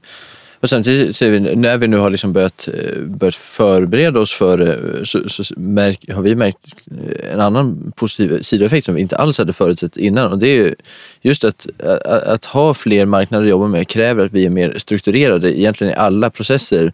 Oavsett om det gäller eh, produktadministration, ekonomi eller eh, kundtjänst och så vidare. Så vi måste tänka på ett mer strukturerat sätt, vilket gör att vi även för den svenska marknaden blir mycket bättre förberedda för att skala upp verksamheten eh, när vi lägger på det lagret. För det, det kräver att vi stramar upp oss på, på så många plan. Eh, Anledningen till, som jag ser det som att man ofta skjuter upp det, dels blir det administration. Alltså det är ju klart både ekonomiskt och det är returer och reklamationer som blir liksom, det är mer komplext att få en reklamation från Finland än från Sverige ändå. På ett sätt liksom och sådär. Ehm, men också att varenda produkt som ska upp ska finnas på flera språk och sådär. Alltså att det blir en slags flaskhals kanske, liksom, om man inte har tillräckligt stor organisation. Men eh, hur har ni tänkt där? Liksom, finns det någon, eller börjar ni bli så pass stora att ni inte känner dem, det motståndet riktigt? Liksom? Det motståndet finns ju, finns ju absolut där. Det, det, det blir lite administration, framförallt kanske produktadministrationsmässigt, att, att man måste översätta väldigt mycket grejer. Eh, där tänker vi oss den dag vi lanserar att vi, vi inte nödvändigtvis måste ha hela sortimentet i alla länder. Utan där, där kan man ju, det det kan ju snarare vara en kontinuerlig process där vi löpande översätter. De, de artiklar som går bra i Sverige som vi ännu inte har på de andra språken. Att man varje månad ser till att liksom ha någon som sitter där några timmar och översätter de titlarna, eller de produkterna. Men sen kanske man, man kan ju lägga content-nivån på produkterna på en ambitionsnivån för det på, på, en, på en lite annan nivå än vad man har i Sverige. Där, vi, där man kanske har långa produktbeskrivningar på väldigt stora delar av sortimentet. Medan man eh, i många fall klarar sig på att bara ha, en, ha produkttiteln översatt. Mm.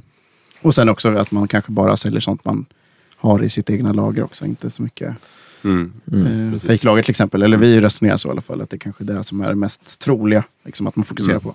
Mm.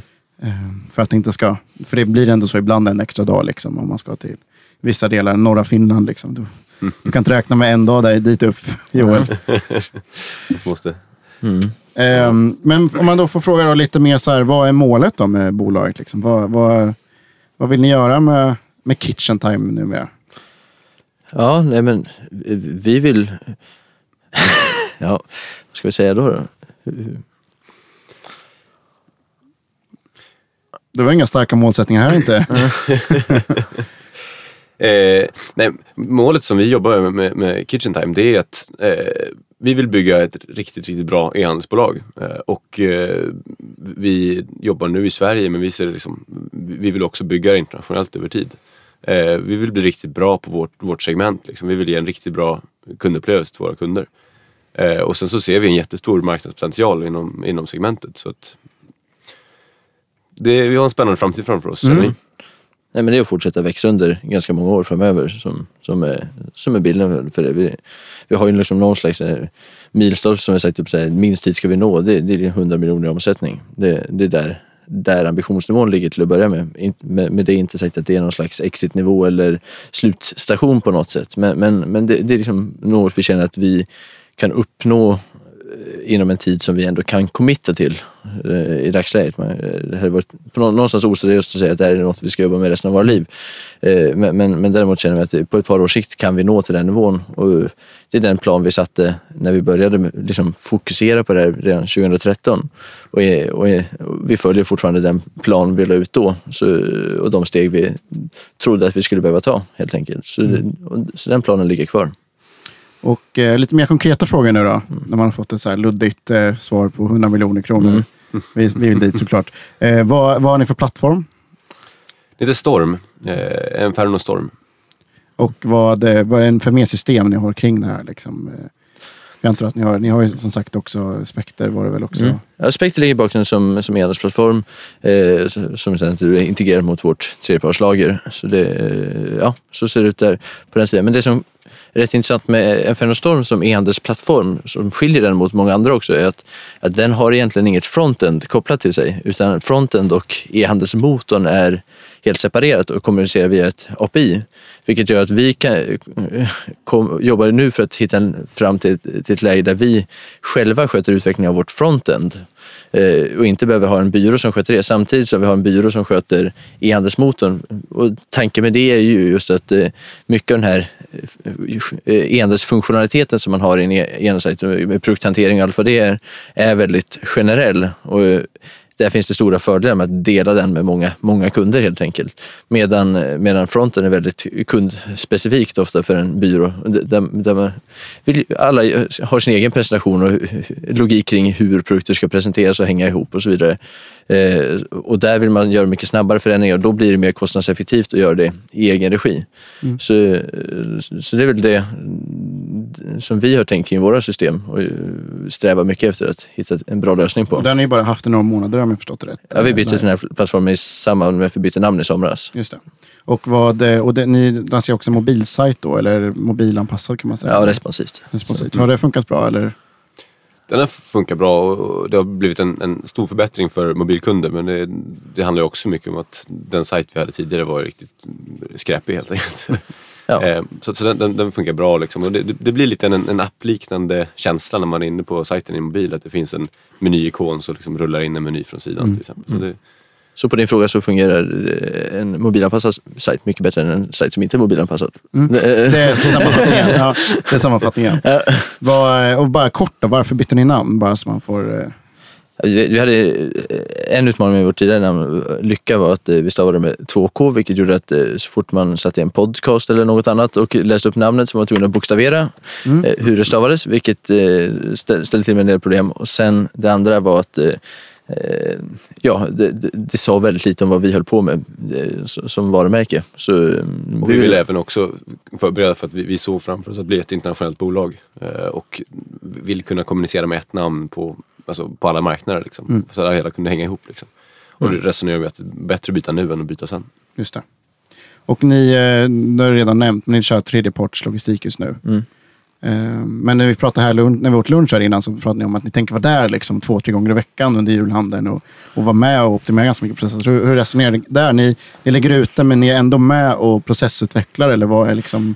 Men, eh, logistiken är en core i en e-handelsverksamhet. Eh, och det, det var väl lite så här, vi ville egentligen inte lägga ut logistiken men vi kunde liksom inte på något rationellt sätt motivera att vi skulle köra det själva eh, kostnadsmässigt. Det, men, men dels är vi, har vi en sån läggning själva, liksom att vi gillar gillar processer, gillar teknik, gillar liksom struktur och ordning eh, och tycker, tycker att det är ett område som är kul att jobba med. Men också att det är en så oerhört viktig del i att bygga upp ett fint e-handelsbolag, att man bygger upp en eh, effektiv logistikverksamhet. Så, så, så även om vi nu har en outsourcad modell så gäller det att vi, eh, att vi inte slutar vara engagerade i, i den och eh, driva den framåt. Så, och hålla koll på den helt enkelt.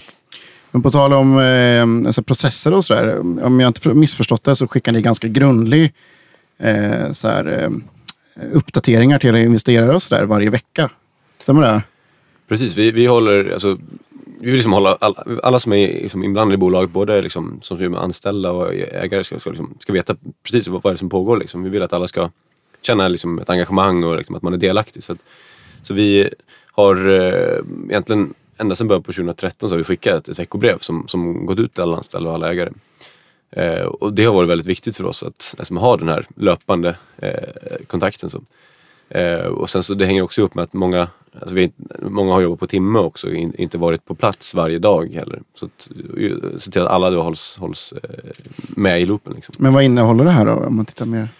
Alltså det är lite övergripande, så här, vilka projekt eh, håller vi på med just nu? Eh, hur går försäljningen? är väldigt viktigt. Alla ska liksom jobba mot, alltså, mot försäljning och liksom, eh, hur vi ska kunna hjälpas åt med att växa. Eh, vi tar med liksom, vilka produkter har vi sålt, sålt mycket av nu på sistone så alla vet vilka, ja, vad det är vi faktiskt gör. Liksom, så man får en, alla måste få en koppling till, till, eh, till faktiskt verksamheten. Men, men, men en annan viktig del är ju att eh, lyfta fram vad andra har gjort inför, inför övriga i, i verksamheten. Så att om någon har Ja, men nu har den här personen lagt upp det här varumärket, titta så fint det blev. Så får den liksom en lite beröm eller lite uppmärksamhet för det, det den har gjort, vilket det, det har betytt väldigt mycket. Det, det kanske var en oväntad effekt av av det här veckobrevet. Man ska säga, inte något som vi planerade för när vi drog igång det, för då var det egentligen bara vi i verksamheten plus någon som var involverad lite på några timmar. Så där. Utan eh, det har vuxit fram som kanske en av de viktigaste funktionerna med veckobrevet, att uppmärksamma det andra gör. Men det är samma brev som investerare eller ägare mm. och eh, anställda får? Precis, det är sam, samma brev. Ehm, och vi har faktiskt nu Eh, bara, bara, faktiskt, just nu håller vi på att göra om lite så här, vilken information ska liksom, gå till vilka och hur ofta ska den gå. Liksom. Så vi har faktiskt nu, precis nu börjat skicka var, varannan vecka istället. Eh, så som, veckor blir ett bra koncept, absolut. Eh, men, men, men eh, då blir det istället lite mer övergripande, får man lite mer eh, mm. övergripande bild. Så. Men det, det, det, det också, ja, men det har också varit eh, en del i att vi tidigare hade vi ganska, framförallt när vi hade laget själva, det var vi ganska många som jobbade på timme och ganska få som var fastanställda. Så att det, eh, nu blir det några fler som liksom jobbar heltid och några färre som jobbar på timme. Så, så då har vi istället gått över till att ha veckomöten med alla som jobbar, jobbar heltid och, eh, där man blir lite mer initierad i projektplanering och får lite mer möjlighet att påverka där. Eh, vilket gör att informationsbehovet i de som ändå jobbar i verksamheten har minskat lite grann och då, då kan mm. vi ta det på en två veckors basis istället. Vilket då kanske eh, liksom är eh, med lagom horisont för de som, som är ägare och investerare. Men hur ser det ut om vilka liksom kopior eller nyckeltal kikar ni på? Vilka eh, följer ni mest noggrant i, i utvecklingsfasen nu eller tillväxtfasen ni är i? Alltså det vi följer absolut mest noggrant är ju alla marknadssiffror så att vi följer upp per, per kanal. Liksom. Eh, vad har vi haft för liksom, hur mycket har vi sålt? Vad har den försäljningen kostat? Eh, hur liksom, följer liksom konverteringsgrad liksom per, per kanal. Så att marknad är det vi analyserar absolut allra mest. Men sen följer vi också liksom, eh, returgrad eller vi följer eh, eh, kundtjänsten, hur, liksom, hur, hur ser utvecklingen ut där? Och självklart så, så, så liksom, ek ekonomin överlag eh, har vi alltså, jobbat mycket för att ha en väldigt liksom, eh, tät ekonomiuppföljning liksom, som, som Eh, så att, alltså att faktiskt använda de bokföringsrapporter som man, som man kan få ut, liksom, stämma av den mot budget och se att man ligger, ligger mm. rätt där. Mm. Mm. Men, men, om man kollar rent operativt tillväxtmässigt så är ett av de, en av de siffror vi styr allra hårdast på det är storleken på sortimentet. Det, där har vi liksom i princip veckomål för hur många artiklar vi ska ha. För att Men då det- pratar ni hur många som finns i sortimentet, hur många produkter. Inte, inte mycket har på lager då. Utan, Nej, hur, hur många a- aktiva artiklar vi har ute till försäljning. Så inte, inte många som ligger uppe i butiken och sen råkar vara slut på lager och så vidare. Så, Som man kan köpa just nu. Ja, som går att köpa vid varje givet tillfälle. Och eh, hur många har ni nu då, ungefär? Vi ska upp i 12 000 den här veckan. Så Ja, det är bra. det kan vara så att vi kommer, har kommit upp i det medan vi sitter i studion här. Ja, spännande. Grattis i så fall. Men hur många, vad, vad tror ni, liksom, finns det ändå en eh, begränsning på hur mycket ni ska ha i, i sortimentet också? Eller, liksom, eller ska ni försöka växa till 100 000 produkter så snabbt som möjligt? Eller liksom, eh, Det är, det är en intressant fråga. Det, det, det handlar ju lite om... Eh, det, det är alltid en avvägning mellan bredd och djup eh, någonstans. Eh, och, och, vi har ju sagt nu att vår vertikal är köket och, och så vidare. Så eh, vid, någon, vid någon punkt så, så är, det, måste, är det kanske mer attraktivt att ta det sortiment man har och gå till ytterligare en marknad eh, utöver de som är mest närbelägna snarare än att öka upp djupet på sortimentet ytterligare. Eller bredda det ytterligare kanske. Så det, vi, vi har inte satt det, det långsiktiga målet där men, men, men än så länge så är det mer attraktivt att eh, utöka sortimentet än att, än att börja snarare kika på, på eh, många fler marknader. Helt mm, mm. Ehm, och vad, ehm, om man tittar på en annan fråga som brukar dyka upp är så här, hur man jobbar med retention, få tillbaka kunder och så där. Ni, nu gör ni nyhetsbrev, har jag märkt själv. nu får jag nyhetsbrev. Men har ni några automatiserade nyhetsbrev eller vad, hur jobbar ni annars med att få tillbaka kunderna? Eh, nyhetsbrev är viktigt som du säger.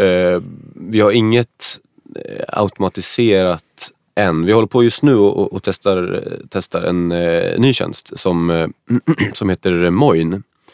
Eh, och som bygger på att eh, de, de har liksom, de sätter en kaka på de besökare som är inne på vår sajt och, och kan sen koppla ihop det eh, genom en e-postdatabas som de sitter på. Och så, så, så, så kan de se ehm, de, de, de kan alltså, eh, vi lägger in en liten kod i våra i, i Mailchimp som vi använder som e-postverktyg. Eh, och, och på det viset så, så, så, så eh, kommunicerar den här koden med, med deras eh, server och lyfter då fram produkter som personerna har kollat på i vår butik.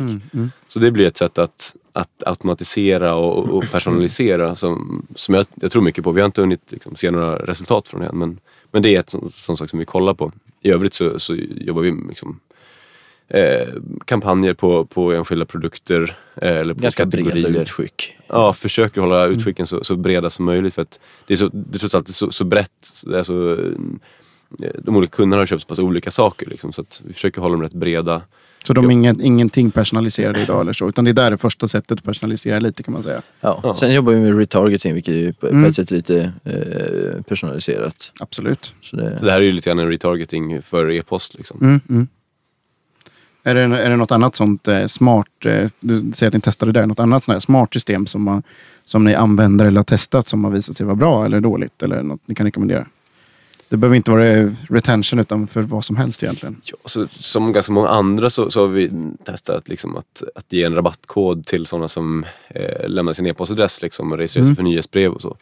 Eh, vilket har funkat rätt bra. Liksom. Man har inte följt upp exakt vad har just de handlat för, så, men vi har fått liksom, ganska, ganska bra volym på liksom, insamlade e-postadresser.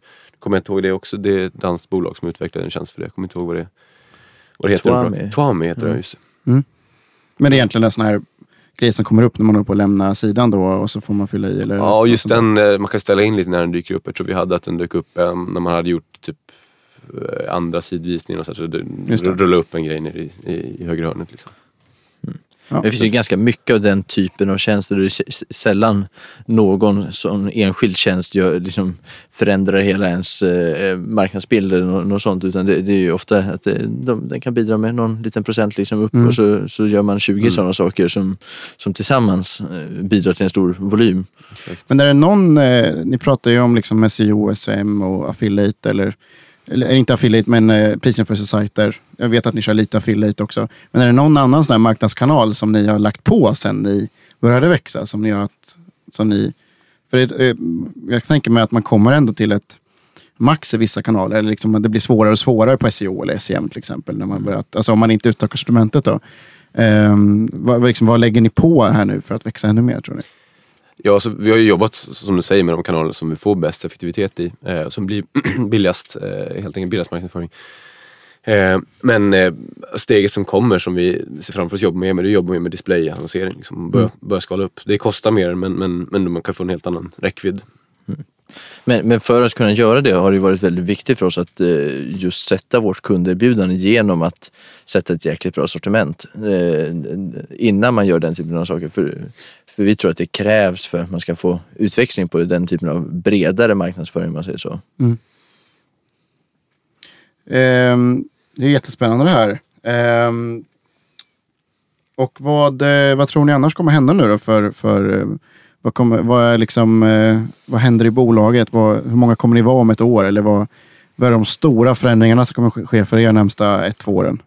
Ja, förhoppningsvis eh, in- inom ett år så är vi ute på fler marknader, vilket initialt eh, i så fall kommer vara liksom verkligen ett testskott för att just börja samla in data kring vad kostar marknadsföring och så vidare så vi vet vad, vad det innebär när vi väl ska trycka på och börja satsa på en utökad lokal närvaro. Eh, men, men det, det är ett spännande steg. Jag tror vi kommer fortsätta utöka, utöka sortimentet eh, väldigt kraftigt och väldigt expansivt och även utöka vår, vår egen lagerhållning så att vi lagerför en mycket större del av vårt sortiment eh, för, för att kunna ha ett mycket bättre kunderbjudande helt enkelt. Men, men- däremot tror jag inte att vi kommer växa så mycket personellt. Så att vi, ska, vi ska inte bli så många fler personer bara för att vi ska växa nu. Nej, Förhoppningen är att vi ska, att vi ska klara av att, att, att växa på, ja, bli bättre liksom varje dag på att hantera de volymer vi har. Eh, och, och, och ökade volymer också. Men det, det är det som är grundtanken också någonstans för, för att skapa en lönsamhet i en enhandsverksamhet. Att man inte ska behöva eh, lägga till en person för varje extra miljon man omsätter utan att, eh, utan att man ska få en större effektivitet. Och det är som det ska inte kosta mer att skriva nyhetsbrev eh, för 700 000 kunder än vad det kostar att skriva för 7 000 kunder egentligen. Åtminstone bara marginellt mer. Så det, det är förhoppningen. Liksom. Men vi ser framför oss att liksom skala upp marknadsföringen och, gå utanför. För nu har vi hittills har vi bara, bara annonserat i onlinekanaler. och eh, eh, så vi kikar ju på bland annat radioreklam eh, och, och ser väl också att tv-reklam ligger, ligger framför oss. Det känns Eh. ju som att vid, vid ett visst stadie så är det ett väldigt bra sätt att, att köpa in kunder på. Liksom. Att, att man kommer till det här stadiet när man kommit upp till en viss volym kanske. Jag vet inte men Ja, ja, det det krävs för att man ska få större volymer. Men då gäller det också att man har ett kunderbjudande som... så- Som är verifierat, testat liksom. Och, Ja, precis. För att man ska kunna få utväxling på den typen av bredare kampanjer. och kanske en tillräckligt bra sajt också. Ja. Vad skulle du säga där? Liksom, nu har ni ju precis lanserat en ny sajt. Det är ändå lite intressant. Vad, vad, vad är största lärdomen av det? Vad, vad, liksom, vad är, har varit bäst i bytet? Liksom? Ja, så bäst, bäst i bytet är att vi har kunnat se en, en ganska tydlig förbättring eh, av, vår eh, mobilsajt, eller liksom den responsiva sajten. Eh, för vi var väldigt eftersatta där. Eh, inte minst med tanke på att det är så otroligt stora volymer som faktiskt kommer via eh, mo mobila enheter. Så det är en stor förbättring. Mm. Men, men det, det, det har ju bara lärt en det som man redan visste egentligen att eh, en Eh, sajt är ju inget man blir färdig med någonsin. Utan det har ju snarare verifierat för oss eh, hur viktigt det är att vi lyckas bygga en intern teknikavdelning, eller en tekniksituation ska jag säga. Det behöver inte vara internt, men även om vi kommer satsa den vägen. Där man hela tiden kan jobba med att förbättra kundupplevelsen på sin sajt. Så att det inte är det här att man gör en ny lansering en gång i halvåret eller en gång om året utan att man faktiskt jobbar med små releaser hela tiden som gör kundupplevelsen bättre. För då kan man testa många saker. Då kan man nå ganska stora resultat tror jag mm, över tid i hur, eh, i hur, hur sajten konverterar och hur, hur man får tillbaka kunderna också. Har ni sett eh, om ni bara, har ni någonting exempel på hur mycket bättre sajten till nu än förut? Eh, ja, så mobilkonverteringen, den eh, såg jag närmast en dubbling på. Liksom. Vad innebär det då? I det här? Alltså, är det fortfarande låg? Eller är det, fortfarande, det är väldigt intressant just mobiler som alla försöker göra det också. Vi- I det ingår ju att vi hade en extremt låg konvertering tidigare på mobiltrafik men, men nu nu minns jag inte vad det ligger på den senaste siffrorna men det- nu ligger den i alla fall, den är fortfarande sämre än desktop och tablet såklart men Betydligt sämre, men, men, men fortfarande så, vi låg på liksom Eh, 0,4 procent kanske tidigare eh, och gjort en dubbling på det. Och det kan ju också vara skillnaden mellan att vi har råd att köpa in eh, trafik eh, från mobila enheter i vissa kanaler och så vidare. Så det, att jobba mycket med eh, det som höjer konverteringen egentligen bättre utbud, det vill säga rätt produkt till rätt pris till, med rätt tillgänglighet. Men också eh, och, och ett djup i utbudet så att fler, en större andel av de besökare som kommer in på sajten faktiskt hittar den produkt de letar efter. Det ena och det andra är ju liksom en bra presentation av det Eh, i form av en attraktiv sajt. Eh, och eh, det är det som någonstans styr hur mycket trafik man kan köpa in. Har man en bra, välkonverterande sajt så, med, med rätt marginaler också så kan man ju köpa in väldigt, väldigt mycket mer trafik än vad, vi, vad man kan göra om sajten inte konverterar. Så därför är det oerhört viktigt att man hela tiden jobbar med de sakerna också i kombination med att köpa in, köpa in sina kunder. Absolut. Men om man då eh, tittar på, eh, nu börjar vi komma till någon slags avslutning här. Vad, vad skulle ni säga att liksom, eh, Sveriges e-handel är dålig på? Vad, vad skulle liksom folk, eh, eh, eller liksom, vad, skulle, vad skulle många e-handlare behöva bli bättre på? Alltså vår största lärdom om man blickar tillbaka eh, från när vi inte lyckades med vår e-handel, det var att då försökte vi göra allt. Liksom. Eh, vi sprang efter nya, liksom, nya trender, testade, liksom, gjorde nyhetsbrevsutskick till få liksom, användare eh, och liksom, var väldigt ofokuserade. Så, så liksom, det kan jag känna lite grann att det, det finns liksom väldigt mycket idéer. Liksom, man testar många olika saker och det, det är bra. Liksom. Men man måste också våga fokusera och dra någonting hela vägen. Mm. Nej, men jag, jag tror att det är många, många eh, e-handelsföretag i Sverige som tror att mm, som gör det till en grej att man ska vara ett e-handelsföretag som gör lite häftiga saker i sociala medier och så vidare medan man kanske glömmer bort att man i grund och botten är ett detaljhandelsföretag. Och att det, de, de, gör man inte detaljhandelsbiten rätt med sortiment och inköp så eh, ja, då, då har man Då inget... lyfter inte de andra delarna. Liksom. Nej, då har man inget erbjudande till sina kunder. Och det, det är där man, den änden man måste börja till syvende och sist. Man måste alltid börja med de produkter man säljer till kunden. Inköp och sortiment låter som att det är, det är där folk borde fokusera mer på vad de gör idag kanske. Skulle jag nog säga. ja. Breddning också kanske. Det låter som att ni är väldigt breddningsfokuserade. Ja, eller snarare fördjupning egentligen. Att vi går djupare i de kategorier vi har än att... För det, det, det är väldigt lätt att bli... Ska man vara bred, att vara bred är väldigt mycket svårare än att vara djup. Men det, man behöver kanske inte alltid ha, ha ett så djupt sortiment. Jag tror att eh, Muminmuggar, där vi var väldigt djupa inom, inom det, hade kunnat bli en väldigt mycket större business om, om vi hade tagit det vidare. Vill säga, men är man smal och djup, då måste man ju gå till många marknader för att det ska funka. Mm. Och där tror jag det, det, det går med för de flesta business. Till exempel vi kan gå till Japan med Murmuggar där det är jättestort. Där hade det kunnat bli en stor business. Så det, det finns ju alla möjligheter. Man behöver inte alltid bredda och bygga världens största sortiment i antalet artiklar. Men, men man måste vara väldigt heltäckande inom de, de områden Ja, man måste går till. veta om man vill eh, bredda i den marknad man går till eller om man breddar i det sortiment man, man erbjuder till sin marknad. Ja, men det är väl lite det vi gör nu. Alltså, vi, vi går ju djupare och djupare i hörlurar, men vi ser ju också att det finns potential till högtalare och andra ljudprodukter. så att säga. Då, då breddar man både på bredden, men, men man, får inte, te- man får inte glömma bort djupet så att säga, i det man har. För att annars kan ju någon annan ha bättre erbjudande för de som söker hörlurar till exempel. Då, I vårt case. Då, liksom. Och det är väl så för er med mortlar eller vad det nu var ni, ni tog upp som exempel också. vad säljer mest nu då hos er? Är det, Oj, det, det, det är ju väldigt mycket säsong så nu håller det precis på att svänga om sig. Men det är lite otippade saker, som såna här grönsaksvarvar och Svamptorkare är stort Svamptorkare stort, ja. Slow cookers, det är lite så här. Men blickar man tillbaka några månader då var det helt annat. Då är det grill, grillar och den typen av produkter. Så det, det, där är väldigt mycket säsonger. Ja, jag förstår det. Ehm, är det något annat ni vill tipsa alla e-handelslyssnare här ute på?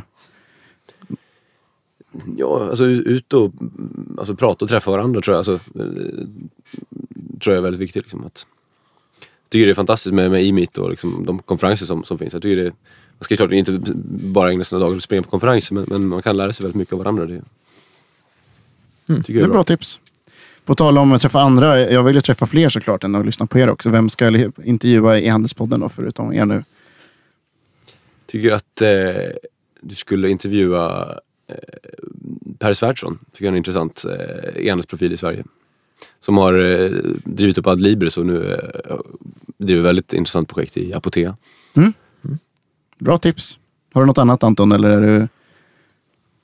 Nej, det, är, det är ett bra tips. Det är ett bra tips. Här, bjuder man in två så får man ändå bara ett tips. Vad är det här? Nej, men det, är- det är ett jättebra tips. Han kanske väger upp för två andra helt enkelt. För att de har så mycket det kan jag erfarenhet. garantera. Ehm, men eh, då får jag tacka för att ni kom hit. Tack själv. Och var, var ska man köpa köksprylarna nu då? Ni får, nu får ni göra reklam för. Ni är välkomna till kitchentime.se. Perfekt. Eh, och hur, var kan man lyssna, hitta er på Twitter? Då? Ni heter... Jag heter Joel Falk. Jag heter Anton Malmberg. Jag såg nu inför det här att jag twittrade senast för exakt två år sedan. Så, så, mycket glädje över att följa mig där kanske man inte har. Men, men där hittar ni mig i alla fall. Det kanske kommer igång nu när Ja. du får så himla mycket följare efter det här. Vet du. Ehm, och, Fokus. eh, ja, exakt, fokus. Ehm, ja, men det är bra. Men Joel twittrar lite mer istället. Kanske tre gånger de senaste åren.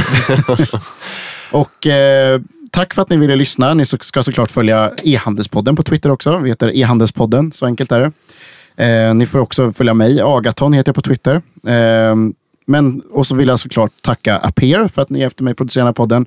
Och contentor.se där ni ska såklart höra av er till om ni vill ha hjälp med eh, texter eller översättningar. Perfekt om man ska gå utomlands som, som Kitchen Time här. Om de kan översätta på alla språk direkt och väldigt snabbt. Tack för att ni lyssnade. Música